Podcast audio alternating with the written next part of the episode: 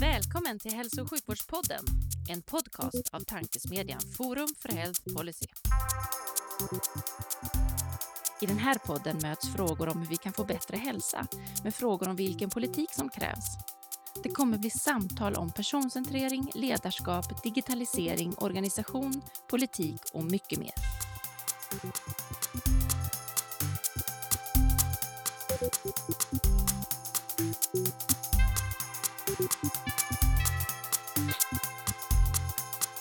Hej och välkomna till Hälso och sjukvårdspodden, tankesmedjan Forum för Health Policys initiativ för att sprida goda idéer och tankar kring dagens och framtidens hälso och sjukvård och omsorg.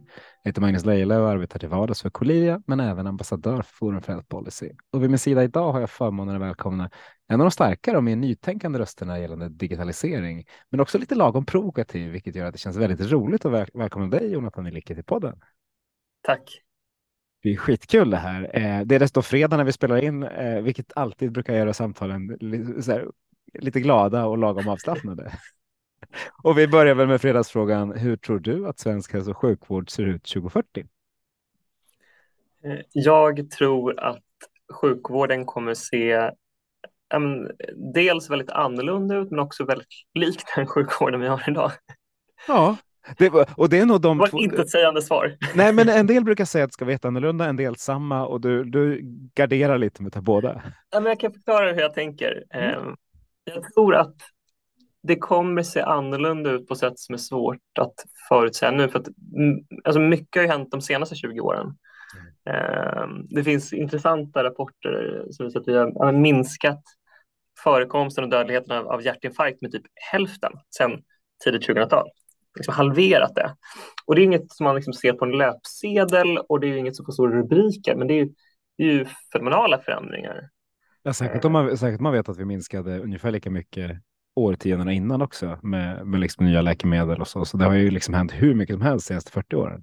Ja, och, och, jag tror det är lätt liksom att glömma det, för att det är förändringar som sker över lång tid och i det stora eh, och som man kanske inte märker i ett patientmöte. Men, men det har liksom skett stora förändringar och förbättringar. Liksom vi, ja, jag tycker det är intressant det här senaste, men nu, nu finns det ett läkemedel som kan minska symptomen eh, och bromsa kognitiv påverkan vid eh, tidig Alzheimer. Otänkbart för 20 år sedan, men nu står vi nära ett godkännande. Så att mycket, mycket händer och har hänt och jag förväntar mig att mycket kommer hända de kommande 20 åren. Um, och samtidigt tror jag att vi kommer ha vissa utmaningar som är de samma. Jag tror att eh, vi, vi kommer fortfarande ha utmaningar med vårdplatser.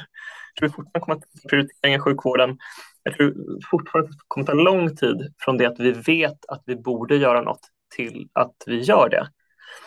Eh, jag tror liksom att vården kommer att se väldigt annorlunda ut, men man kommer ju såklart ändå känna igen sig, för det kommer ändå vara sjukvård vi bedriver. Ja.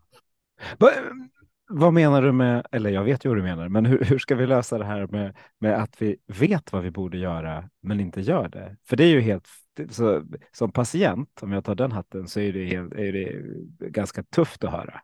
Mm. Eh, det finns många tuffa sanningar men, eh, jag brukar tänka att det, det, det, finns något oerhört vackert och viktigt i hur vi genom medicinen samlar på oss kunskap över årtionden. Och man vet att det inte alltid blir rätt första gången. Mm. Men över tid så blir vi mer och mer säkra på att den kunskapen vi har stämmer. Att det är klokt att behandla det här på ett visst sätt. Och ibland så har vi liksom sidospår att vi för in en ny medicin eller behandling som vi tror är bra. Och sen när man gör större studier så säger man nej men det, det var inte så bra. Och så backar det. Och, och, och det, är ju, det är ju dåligt för då har ju massa patienter fått något som kanske inte har hjälpt dem eller till och med skadat dem. Och vi har lagt massa resurser på något som hade kunnat, eller resurser som hade, kan, hade kunnat nyttjas på ett bättre sätt. Men totalt, liksom nettoeffekten är ändå att det förbättras över tid. Mm. Um, och, och, det baseras på att vi ansamlar mer och mer kunskap. Sen är utmaningen att, att det publiceras fler och fler artiklar. Uh, det är bra, givet att kvaliteten förblir någorlunda densamma. Uh, och det kan vi också prata om senare. Sen måste kunskapen ut och, och, där tror jag att vi, vi har hanterat det på olika sätt i olika länder och i olika organisationer. Mm. Man kan ju ha väldigt eh, med kollegala eller, som i USA så är det viktigt att hålla sig till best practice, annars blir man stämd. Det är inte ett bra system, men det är ett system. Eh, man kan ju ha att eh, kloka experter går igenom ny forskning, uppdaterar riktlinjer och sen så ska man försöka följa de riktlinjerna. Men ju fler sådana steg man har, ju längre tid kommer det ta från att kunskapen genereras till att det förs ut. Och sen också måste man ju läsa nya riktlinjer, ta till sig och ändra processer. Så, jag tror att eh, om man tänker den här kedjan från det att vi skapar kunskap som borde förändra vad vi gör till att vi börjar göra den förändringen. Det är liksom en kunskapskedja.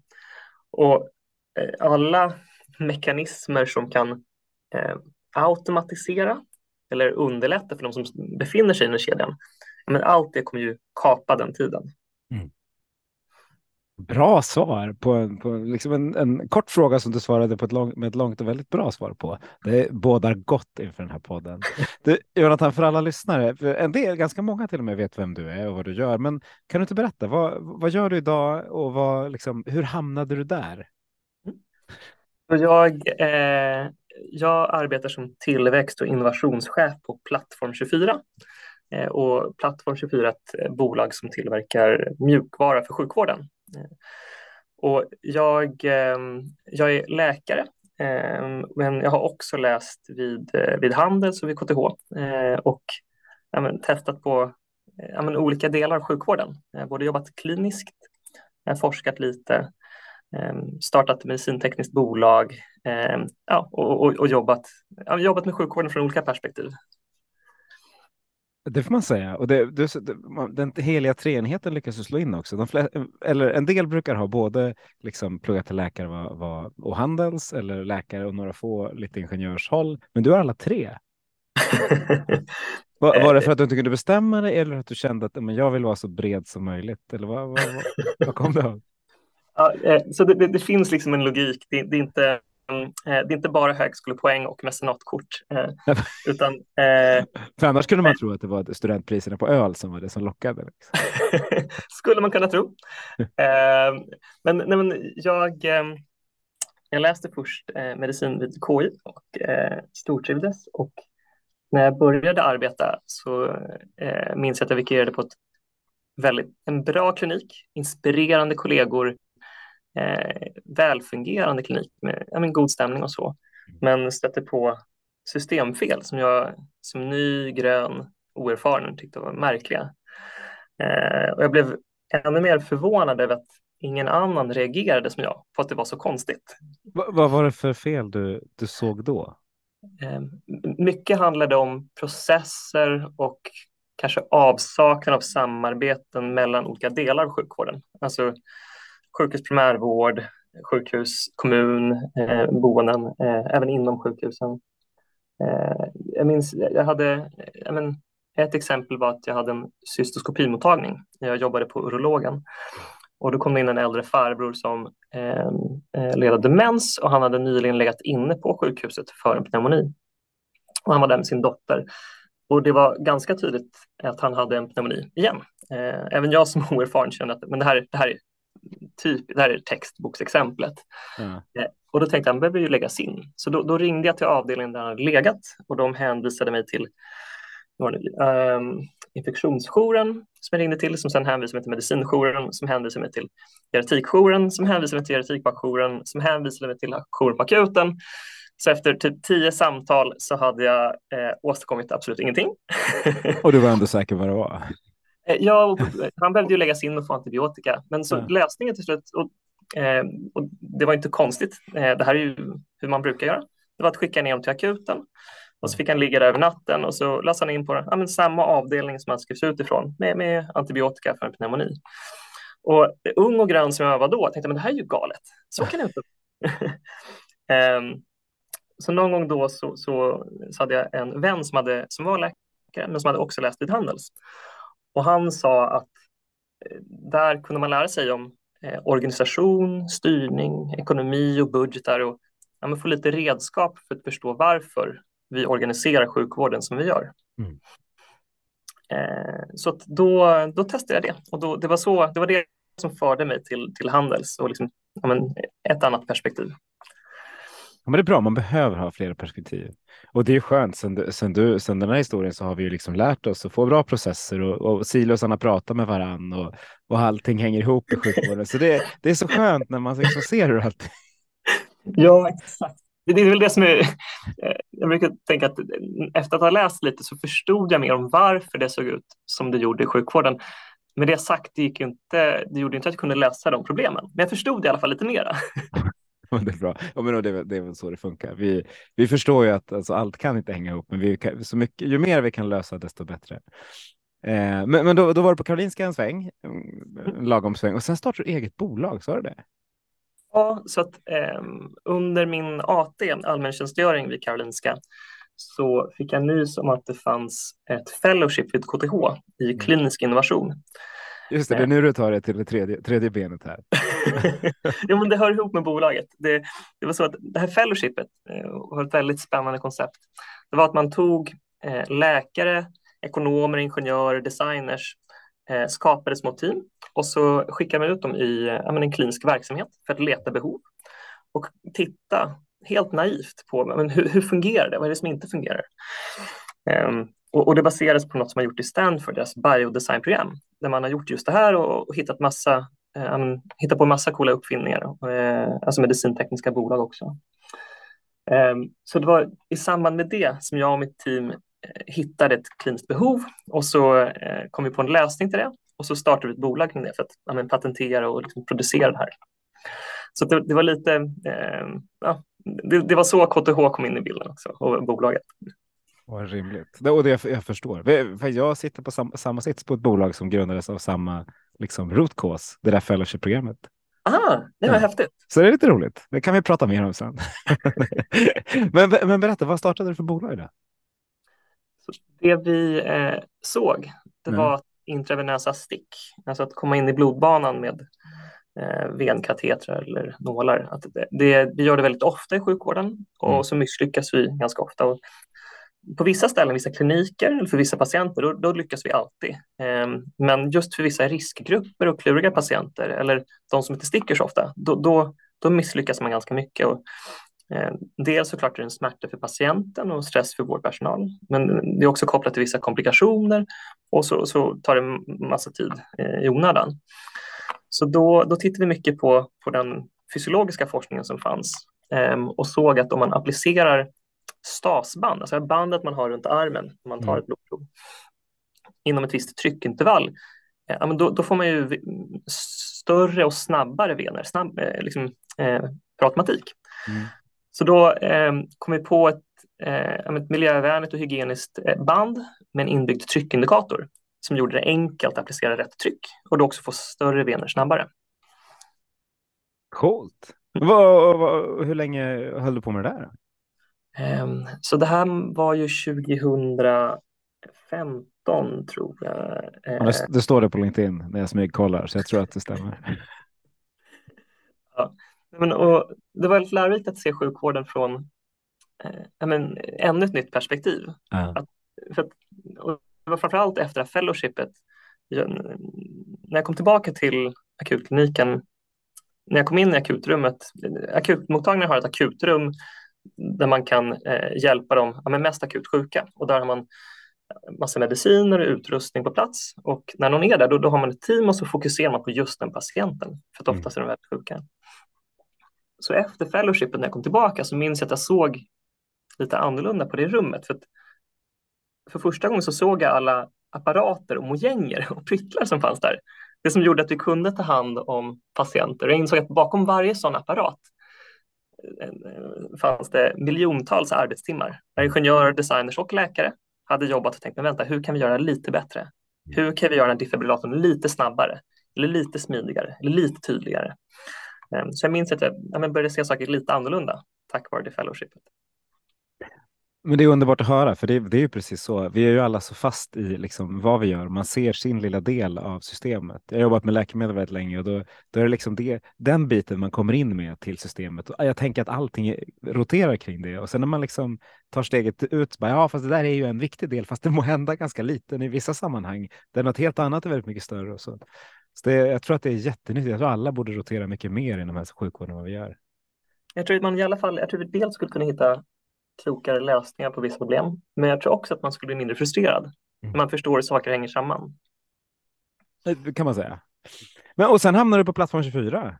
Mm. Och vad, berätta, vad, vad, vad, gör du där? Vi har ju haft några av dina kollegor här, för ni är ju rätt innovativa, så ni eh, förmånen att få ha med, ha med några av er. Men berätta, vad, vad gör du där och hur ser du på, på er resa? Så eh, jag leder vårt eh, innovation och tillväxtteam eh, och, då har vi, har vi olika uppdrag. Ja, det, låter, det eh. låter som två ganska olika saker, måste jag säga.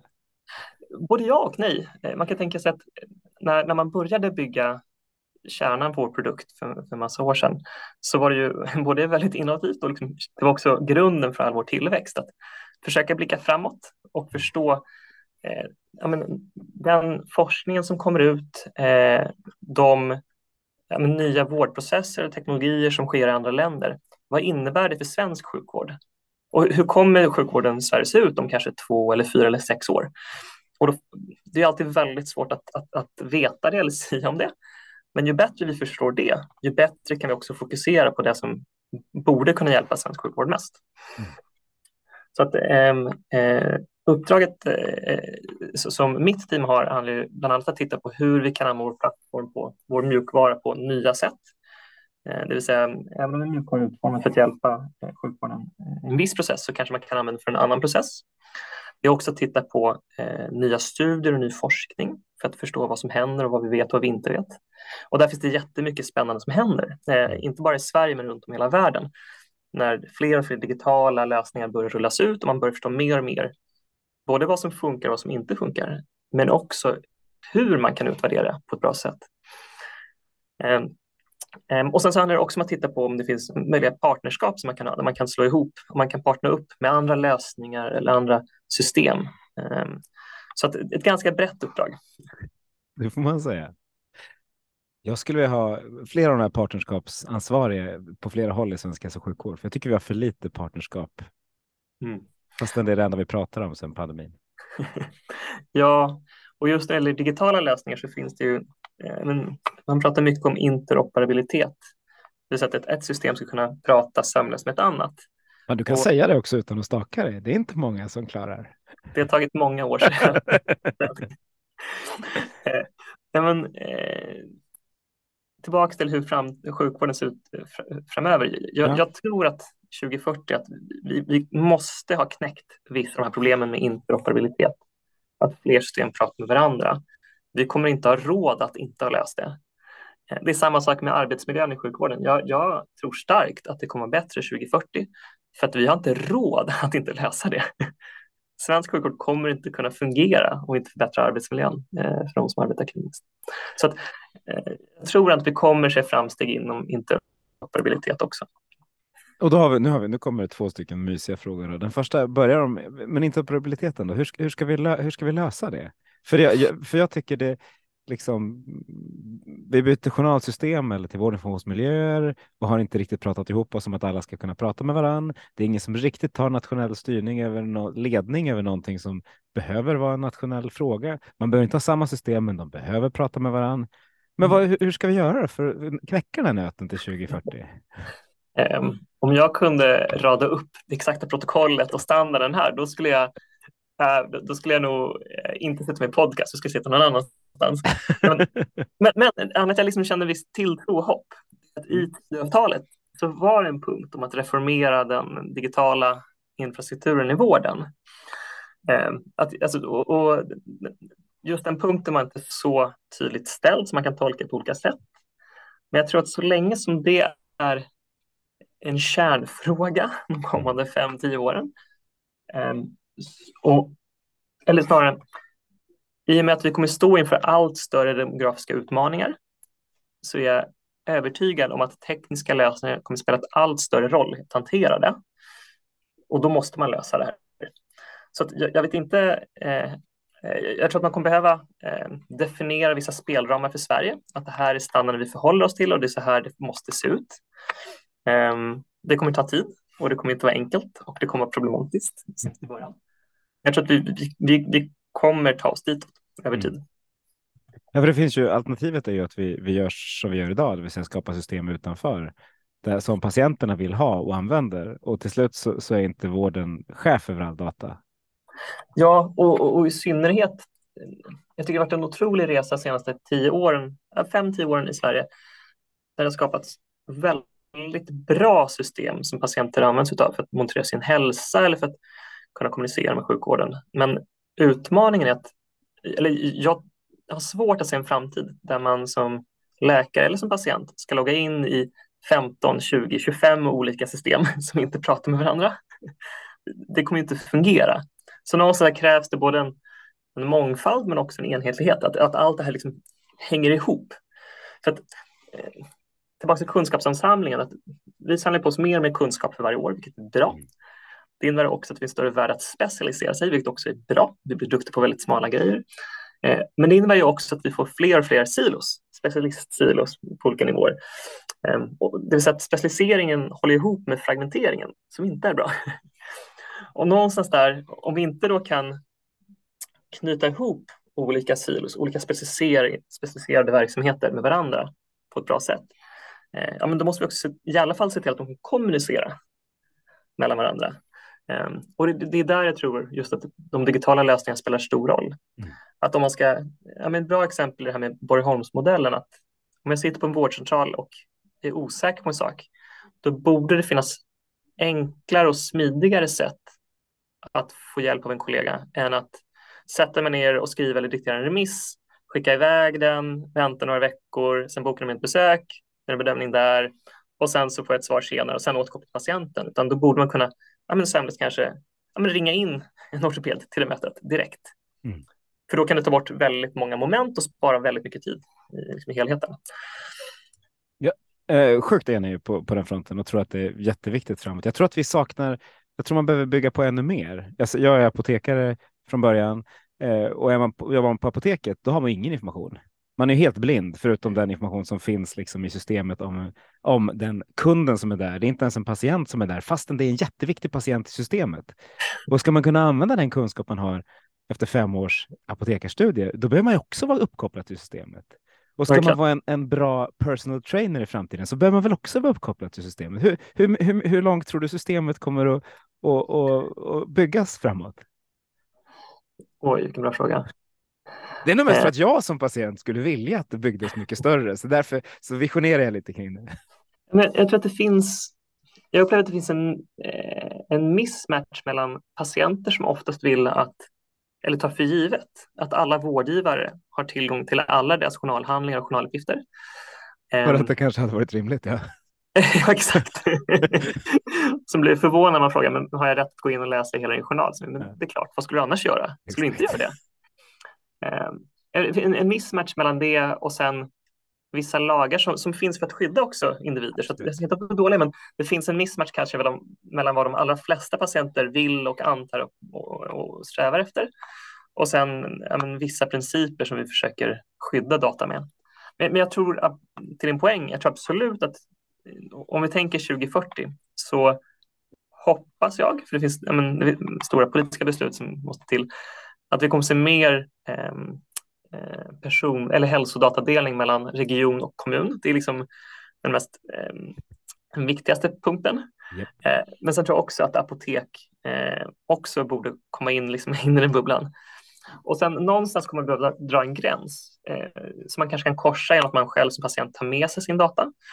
Eh, och jag tror att det är någonstans där men, sjukvårdens traditionella, traditionella gränser löper. Där någonstans kommer nog den hälsodata liksom, eh, drivet att se till att det finns bättre utbyte av hälsodata. Någonstans där kommer ta slut. Och, så PT-erna tror jag får vara utan journaler ett tag till. jag tror också det. Jag lyfter mest att det finns, som sagt, gränsen finns ju någonstans. Frågan är hur finns den för oss som patienter? När vi samlar data i liksom att man rör sig eller, eller äter rätt eller så där, som ju också är en del av det preventiva, så, så, så vi, känner man som patient att det här är en viktig del i min sjukvård. Men det ingår inte i min sjukvård, för det ingår i min hälsovård någonstans innan. Och, och där skulle jag säga att jag tror det finns två aspekter på det. Det ena är ju, som du är inne på, att hur den datan måste ju komma till vården på ett sätt som vården kan hantera. Men det andra är också mängden data. Jag träffade en klok person som sa att ja, men det här egenmonitorering, att det, det är ju att patienter då monitorerar sin egen hälsa på olika sätt och, och skickar in värdena till sjukvården. Eh, men det är jättebra, men om jag som kliniker då inte får stöd i att tolka datan utan bara får 100 000 mätvärden för varje patient jag listat hos mig, det kommer inte lösa några problem. Jag kommer inte hinna gå igenom det. Så att någonstans, det krävs ju både då sammanlänkning av data, så att exempelvis egenmonitorering kan flöda sömlöst alltså direkt till ens vårdcentral, men också till ens specialistmottagning eller till 1177 eller till ja, men, vart man nu ska. Eh, men också att det finns stöd för kliniker att, att göra något med den datan så att det inte blir ännu en grej som man måste eh, snabbt skumma igenom innan nästa patient. Min gissning är att den här sista grejen kommer ta en sjundedel av tiden det tar för att vi får ihop eh, förutsättningarna för att data ska kunna flöda sömlöst. Ja, alltså det sista. Tyvärr är jag nog enig. jag tror det tekniska stödet, det, det, det, finns i princip, eller det, det, finns, det kommer liksom börja användas redan i år i Sverige. Nej. Men det andra, det, det, är en komplex fråga. Ja. ja, jag sa inte att det var lätt. Men vi, vi, går, vi tar något lättare. Då. Vi, tar, vi tar kompetensförsörjningen och vårdplatser. Eh, hur, hur, ska vi, hur ska vi knäcka den nöten, tycker Jonathan? Fram? För du sa att vi måste lösa den och du är en av de få som säger jag är helt övertygad om att vi kommer att lösa den. Eh, vi, för jag håller, vi måste lösa den. Men, men hur ska vi göra då? Har du några, några goda eh, guldkulor man kan skicka in här? um, jag har nog inga enkla lösningar som inte smartare personer än har tänkt på. Um, jag tror det finns en fördel med att det finns vissa teknologiska framsteg. Och låt mig bara ett exempel, det här är inte en, en av de stora läsarna, men ett exempel eh, för att visa vad jag menar. Det finns vissa eh, vårdgivare inom slutenvården som funderar kring eh, men, hur personal på sjukhuset kan exempelvis jobba hemifrån. Mm. Och det kan man göra om man exempelvis kan ha viss mottagningsverksamhet hemifrån, det som inte kräver fysisk kontakt. Det kan fungera hemifrån om man då har eh, uppföljande verksamhet så att medarbetare kan sitta hemifrån och arbeta. Ehm, och jag ser inte att det, är, det kommer vara det som knäcker hela nöten. Men jag tror att, att hitta sätt att, att ehm, eh, anpassa och förändra arbetsmiljön så att man har mer kontroll över sin vardag, kanske mer flexibilitet. Jag tror att det i någon skepnad kommer vara en viktig del av att förbättra arbetsmiljön på sjukhusen så att fler, eh, framförallt sjuksköterskor, vill arbeta där. Um, och med vårdplatserna, jag har inga enkla svar. IVO kom ut nyligen med en rapport som jag tycker var väldigt intressant, där de gjorde nedslag på samtliga ställen, samtliga sjukhus, att det saknas vårdplatser. Det var inte så munter läsning kan man inte säga. Nej, och det är också något som, som, som Läkarförbundet har påtalat ganska länge. Um, um, och jag, jag, tror att um, jag tror att vårdplatssiffran det är ett smärtsamt system, alltså där eh, några gasar och några bromsar. Mm. Eh, och det är intressant att om man hade frågat någon i den här podden för 20 år sedan hur kommer det se ut med vårdplatser om 20 år från nu? Jag tror man hade gett dem siffran vårdplatser vi har nu, då skulle man säga att det är ohållbart. Och, och, och, det är det också. Men eh, jag tror att de hade sagt att det var ohållbart även om vi hade bromsat utvecklingen och haft lika många vårdplatser som för tio år sedan. Så det jag menar, jag tror behoven kommer förändras och där, det finns också intressanta eh, vårdgivare i Sverige som då har börjat med hospital at home, något som man gjort i England, USA och andra länder ganska länge. Alltså att man genom teknologi kan låta patienten gå hem lite tidigare, en halv dag eller en dag, och att man har avancerad monitorering i hemmet och sen om någonting förändras, då kan vårdpersonal snabbt komma dit. Eh, och det tror jag också kommer vara en del av lösningen. Precis, och ni som vill veta mer kan lyssna på avsnittet för fem episoder sedan så var det med Henrik Bjärtun från Medoma som pratar mycket mm. om det där. Väldigt inspirerande bolag. Ja, ja verkligen. Men vad tror du om framtidens medarbetare? För du jobbar ju på ett, liksom, ett så ganska täckigt bolag som samtidigt är väldigt mycket sjukvård. Eh, finns det någon tänker personalen på ett annat sätt än man gjort förut? För min, min bild är att vi, vi från vården utgår rätt mycket från att vården behöver personal som jobbar den här typen av tider på det här sättet. Medan personalen idag och kanske framförallt i framtiden tänker att ja, men jag vill ju jobba på mitt sätt och på mina tider. Och de, de världarna just nu lirar ju inte alls. Nej, så, så det finns nog eh, det finns nog två aspekter av det. Det, det första kanske är en kulturell glidning som du är inne på, att, att samhällets normer kring vad man förväntar sig av ett yrke eller eh, av en yrkes, ett yrkesliv har förändrats. Mm. Och det kommer påverka sjukvården också. Um, och jag tror det bidrar till menar, att, att, eh, att det är många som inte orkar eller vill jobba heltid i sjukvården. Att det finns ytterst få, eller relativt få eh, allmänläkare som jobbar heltid. Jag har inte siffran här, men jag, har siffran någon annanstans. Att det är väldigt många som jobbar deltid och att eh, många sjuksköterskor flyr sjukhusen. Mm. Um, och det har dels såklart med arbetsmiljön, arbetsmiljön att göra, men också med, med våra normer. Och, och, och, den andra frågan, det handlar om vilken kompetens eller ja, vilka färdigheter kommer behövas i framtiden. Um, och, och, där tror jag att på samma sätt som alla yrkesroller i sjukvården har förändrats de senaste 20 åren så kommer det förändras nu de kommande 20 åren också. Mm. Eh, datakompetens, det var inte så viktigt för kanske 20 år sedan när vi inte hade digitala journalsystem. Eh, men nu är det ganska svårt att jobba kliniskt om man inte kan hantera datorer, för att ta ett väldigt tydligt exempel.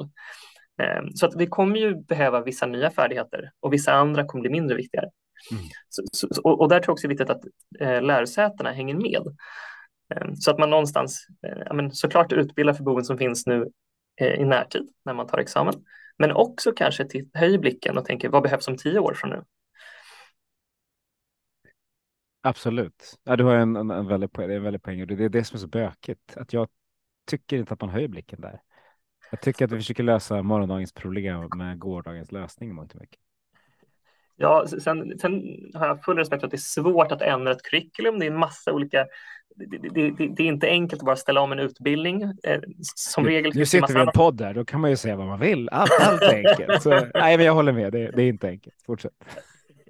Men, men, någonstans, jag tror jag också handlar om eh, att se över strukturerna. Att, de lärosätena som på något sätt bättre förbereder sina studenter uh. för det framtida yrkeslivet, de ska på något sätt premieras eller få stöd i det. För om, om det inte finns incitament eller stöd för det, då, då, då kommer den förändringen ta lång tid. Mm. Klar på poäng. Eh, du nämnde här i, i början, bland alla bra saker du sagt, eh, så, så pratar du om, om, om, kunskap och styrning, för du sa det inte riktigt med de orden. Men hur, hur, hur känner ni som, som aktör, eh, liksom en, en, digital aktör som jobbar på ett sätt, eh, kring kunskapsstyrningsimplementeringen som vi håller på med i Sverige i övrigt, som ju liksom i grunden är det bästa som skivat bröd, men som kanske inte riktigt har genomförts på precis det sättet, i alla fall är min bild, som det kanske skulle behöva göras. Mm. Ja, men, bra fråga. Eh, många gillar skivat bröd, men inte alla. Precis. men, eh, jag tror att, som du säger, ansatsen är väldigt klok. Vi, vi har ju massa kunskap. Vi har ett långt lagg från att kunskapen finns till att vi följer den och i synnerhet i ett långt avlångt land med 21 regioner så finns det nog fördel att centralisera vissa saker och slå ihop våra kloka huvuden och inte göra samma sak 21 gånger utan färre gånger. Mm. Um, men implementeringen som alltid är det svåra. Um, det var en intressant artikel i BMJ um, där en svensk läkare och två andra pratade om time needed to treat. Jag vet inte om du såg det. Nej, jag måste ha missat det. Jag öppnar ögonen stort och öronen och lyssnar. det, det, det, jag tror baserat på en artikel från USA som räknade på hur mycket tid det skulle ta för en husläkare i USA att, att följa alla guidelines. Det var någonting i stil med 27 eh, timmar om dygnet skulle gå åt de här preventiva åtgärderna, att coacha patienter och ge dem råd och tips och så vidare att någonstans så, ja, så visar liksom det orimliga i att man, i synnerhet vissa specifiker, får väldigt många riktlinjer och processstöd och vårdförlopp att förhålla sig till. Eh, man får massa data, men sen så är det ju omöjligt att agera eh, efter det och hålla sig uppdaterad. Trots att och, och de är evidensbaserade och liksom perfekta för patienten och centrerade utifrån patienten och allting. Ja, och, och, det finns två aspekter. Det ena är att eh, det första är att jag tror att det krävs systemstöd för det här.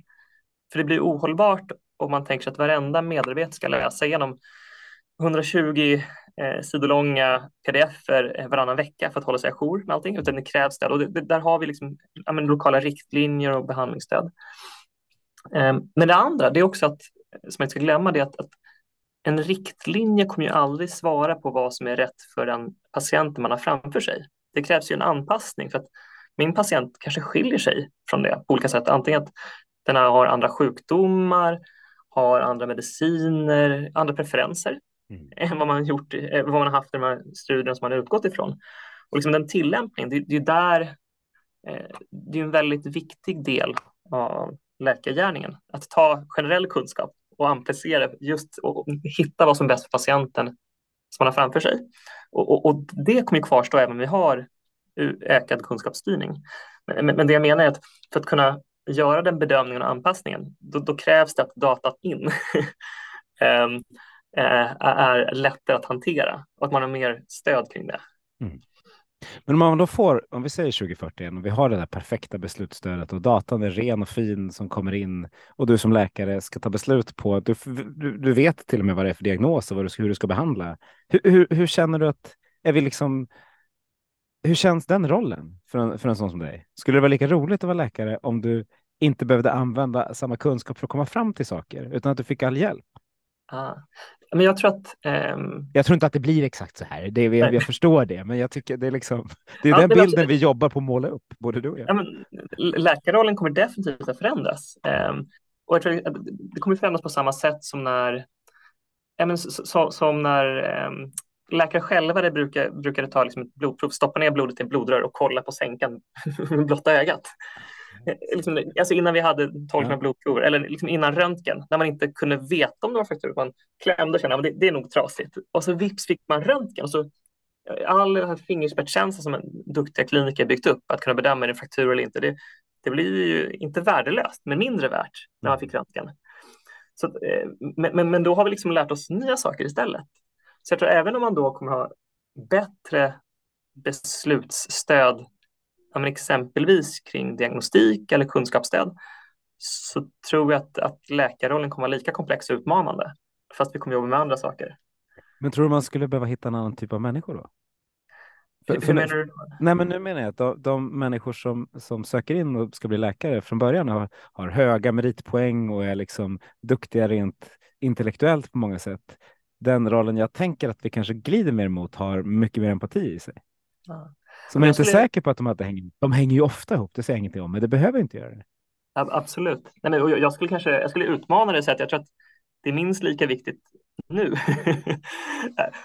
att vi har läkare med liksom, så hög empatisk förmåga som möjligt. Att... Du, du utmanar mig inte överhuvudtaget. Jag håller rakt okay. med ja. dig, men jag tycker inte att systemet kanske har styrt mot att empati ah. har varit det viktigaste för att bli läkare. Ja, och det är en svår... Eh, så, ja, jag är helt enig.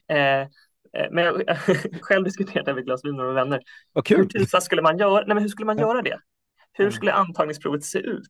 Hur kan man validera metoder och hitta personer som då, inte den dagen och inte om fem år, men resten av sitt yrkesliv blir ja, men kloka, vettiga, inlyssnande, empatiska människor? Det, det, det är klurigt. Ja, det, du har en poäng där. Det, nu kanske jag gjorde det för lätt igen, men jag, jag håller med dig. Det, det, det där testet får vi ta fram. Det, jätte, alltså det finns säkert bra studier på det, men, men vet du vad? Jag, kan, jag lovar att, att kolla upp det här efter podcasten och skicka det om jag hittar några studier. Spännande, då lovar jag att skicka vidare till lyssnarna helt enkelt. Det, det låter ju helt kul. Eh, du, ska, du, har ju en, du har ett av mina drömjobb som jag är lite, lite avundsjuk på. Du får skriva krönikor om, om saker och ting som du, som du brinner för och som sen publiceras och diskuteras. Det låter, det låter skitkul. Och, och idag så, så läste jag en krönika precis när vi spelade in den här podden som handlar om omorganisationer i hälso och sjukvård och att du, när du var lite yngre, eh, du är fortfarande ung, men när du var lite yngre tyckte du att omorganisationerna var ganska många och, och, och ofta hela tiden i sjukvården och du kanske tyckte att det var negativt och nu, nu ser du det som något kanske lite mer positivt. Kan du inte utveckla det? För jag tycker att det är både insiktsfullt, eh, bra skrivet, men också en bra poäng. Tack. Nej, men, så att, om jag tänker tillbaks på när jag började arbeta i sjukvården så, så omorganiseringar var väldigt kryptiska för mig. Mm. Jag förstod liksom inte kanske syftet eller behovet. Och för mig var det mest brus. jag tog bort fokus, men då blir det svårare kanske för vissa chefer att fatta vissa beslut och när man ställer frågan när kommer det här förändras? Så, nej, men vi får se efter den här omorganiseringen. Um, så jag förstod inte varför det skedde hela tiden. Och inte bara där jag arbetade utan där, där, där andra vänner och bekanta arbetade. Um, men det var nog framför allt någonstans där eh, ja, men, kring när jag läste på KTH och läste ja, men lite mer medicinhistoria. Jag började inse att sjukvården visst ändras ganska mycket. Mm. Eh, jag hittade en bok, jag tror det var från 80-talet. Nej, det måste varit eh, ja, eh, eh, lite äldre än så. Och på baksidan stod något stil med att eh, hjärtsjukvården går framåt med milasteg. Nu ligger patienterna bara inne två veckor efter en hjärtinfarkt. Eh, och, och, nu går, kan de gå hem liksom efter, eh, samma dag eller efter, efter en, något dygn bara. Mm. Beroende på hjärtinfarkt såklart. Eh, så, så, att, eh, det var någonstans där jag insåg att oj, sjukvården har visst förändrats väldigt mycket. Mm. och även när jag sen läste på mer om Sveriges demografi, hur det har förändrats, hur snittåldern också stiger inte bara i befolkningen men också eh, bland de patienter som vi hjälper i sjukvården. Att vi lägger in patienter på IVA eh, nu för tiden eh, som för sig 20 år sedan inte hade kommit dit för att de kanske ansågs för gamla eller var för sköra. Så att när jag insåg att förutsättningarna visst förändras ganska mycket, då, då, då blev det på något sätt rimligare att vi ja, men inkrementellt försöker justera den stora sjukvårdsapparaten med pyttesmå bebissteg mot den här nya tillvaron. Ehm, sen så kan det såklart bli fel och ibland så kan ju omorganiseringar inte uppnå det syftet. Ehm, men jag har nog ändrat mitt perspektiv att från att ja, men vi behöver inte omorganisera oss, låt oss vara. För att ja, men ibland så kanske ändå är rimligt att vi gör det, så att vi sakta men säkert anpassar oss efter patienterna som förändras. Har vi anpassat oss tillräckligt mycket efter patienterna? Har vi, liksom, kommer vi tillräckligt nära? För frågar du patientrörelsen tycker de absolut inte det. Frågar du vården tycker man absolut det. Eh, att det är det. Jo, men det har vi, alltid, vi har alltid varit patientcentrerade. Det är liksom två, det är två, vi pratar om samma sak fast med två helt olika perspektiv. Hur är din bild? Mm. För det första, jag tror ordet patientcentrerat kan betyda så många saker, så jag kommer hålla mig borta från den termen just nu, bara för, ja, för den här ja. frågan. Och då, då, riskerar man ju att inte säga personcentrerad också, så, så riskerar man att man hamnar i fel, fel läge oavsett, så det är bra. Utan jag ska säga att det väl handlar om att patientens behov och preferenser ska ges visst utrymme. Ehm, det är väl också något som jag kanske har förändrat mitt perspektiv på över åren, att när jag var kanske yngre så hade jag svårt att förstå varför eller hur vi hade råd att prioritera patient, liksom mjuka patientvärden ja. när vi i Sverige har svårt att uppnå vissa med hårda utfall, alltså eh, hur, hur folk överlever vissa sjukdomar eller hur väl man mår. Um, och sen så, så ja, men ganska tidigt så insåg jag, men när man själv blir patient eller när ens anhörig blir patient så inser man att eh, patientens upplevelse är ju minst en lika viktig del. Mm. För, för någonstans är det patientens liv och, och de måste också få välja vad som är viktigt för dem. Um, så att, um, jag tror att vi, jag upplever att vi pratar mer om att ta hänsyn till patientens preferenser och det som är viktigt för dem. Um, sen tror jag att vi har kommit olika långt i olika delar av sjukvården. Att så länge som vi inte har system som har koll på att vi prioriterar patientens preferenser, då kommer vi inte ha incitament att göra det i sjukvården, mm. tyvärr. Sen är det väldigt svårt att skapa bra incitamentstrukturer eh, för, att lösa det. Men, men, men jag tror att det, om vi inte har det så finns det risk att patientens röst eh, inte får mer utrymme. Mm. Bra poäng på många sätt. Eh, om vi tar en, en av mina gamla favoritfrågor från podden då. Hur, om du fick välja ut fyra KPI att mäta för att liksom jämföra olika enheter inom svensk hälso och sjukvård, vilka skulle du välja då? Oj, eh, och då tänker du men alla möjliga... Ja, får, jag tänker på du får välja precis som du vill. Oh, eh, medarbetarnöjdhet skulle jag vilja följa. Mm. För, för det, det, är någonstans eh, tillbaka till hållbarhet, här, vad vi måste läsa inom sjukvården. eh, och, och, det är ett trubbigt mått, men, men det, det, är nog ett viktigt KPI att följa så man tidigt inser men om, om, kliniken är på väg att, att fallera eller inte. Eh, det finns en fälla som jag sett där man kanske men av olika anledningar så blir det turbulent på klinik, man mm. tappar en mängd eh, individer och sen är det svårt att snabbt fylla upp det gapet och då kanske man måste ta in hyrpersonal eller ta in eh, liksom andra personer och då, då kanske det blir mer ja, men då, då, kan det medföra utmaning i sig och så liksom fler som slutar och så kommer man in i en spiral. Och då tänker jag att eh, nöjdhet kan vara liksom en, medarbetarnöjdhet är en viktig kopi. Um, sen patientupplevelsen patientnöjdhet, hur man nu ska mäta det på ett, eh, ja, man kan mäta på flera olika sätt. Um, och sen så skulle man ha någonting om kvalitet och någonting om effektivitet. Um, ganska generiskt. Eh, alltså det är svårt att hitta ett mått som funkar tvärs hela sjukvården, men eh, något kompositmått när man tar olika eh, ja, men väl validerade och viktade kvalitetsutfall eh, liksom, och så liksom slår man ihop det till ett index. Eh, och så någonting med effektivitet där man, ja, man tar hänsyn till vilka, hur komplexa patienterna är så att man inte liksom anses effektiv bara för att man har enkla patienter utan eh, att det viktas. Eh, och sen att man tittar på totala kostnaden för vården, inte då bara den vården man levererar men också då ehm, för om det är så att de patienterna man har hand om, säg att det här är en, en ortopedklinik, eh, om man då har massa komplikationer som, men som syns i någon annans budget, att liksom fånga in det. Det hade varit eh, drömmåttet. Så de fyra sakerna. Snyggt. Bra formulerat. Fick du ihop fyra väldigt bra. Då. Om, vi, om vi ska ersätta det här, hur, hur skulle du vilja liksom ersätta på bästa sätt? Då? För det tycker jag är liksom, ja, men det är så här svår nöt. Det är ingen som riktigt kom, lyckas komma med svaret heller. Och det är för att det är svårt. Eh, och samtidigt så är det skitviktigt, för vi, vi rör oss mot det vi får pengar för. Ja, men alla rör sig mot det på ett eller annat sätt. Eh, men, eh, jag tror inte att ibland så, i debatter så kan man eh, så kan man ibland höra att det finns liksom ett perfekt eller ett fruktansvärt ersättningssystem. Och jag tror att det är lite som, eh, eh, som, som att säga så här, vilken salt halt i kroppen som är det viktigaste. Att, mm. menar, alla är viktiga på olika sätt och det beror mest på kontext. Och det viktiga är snarare att förstå när kan vissa ersättningssystem ha de konsekvenserna som man är ute efter och hur kan man då parera de liksom, nackdelarna? För, för alla ersättningssystem har nackdelar. Absolut.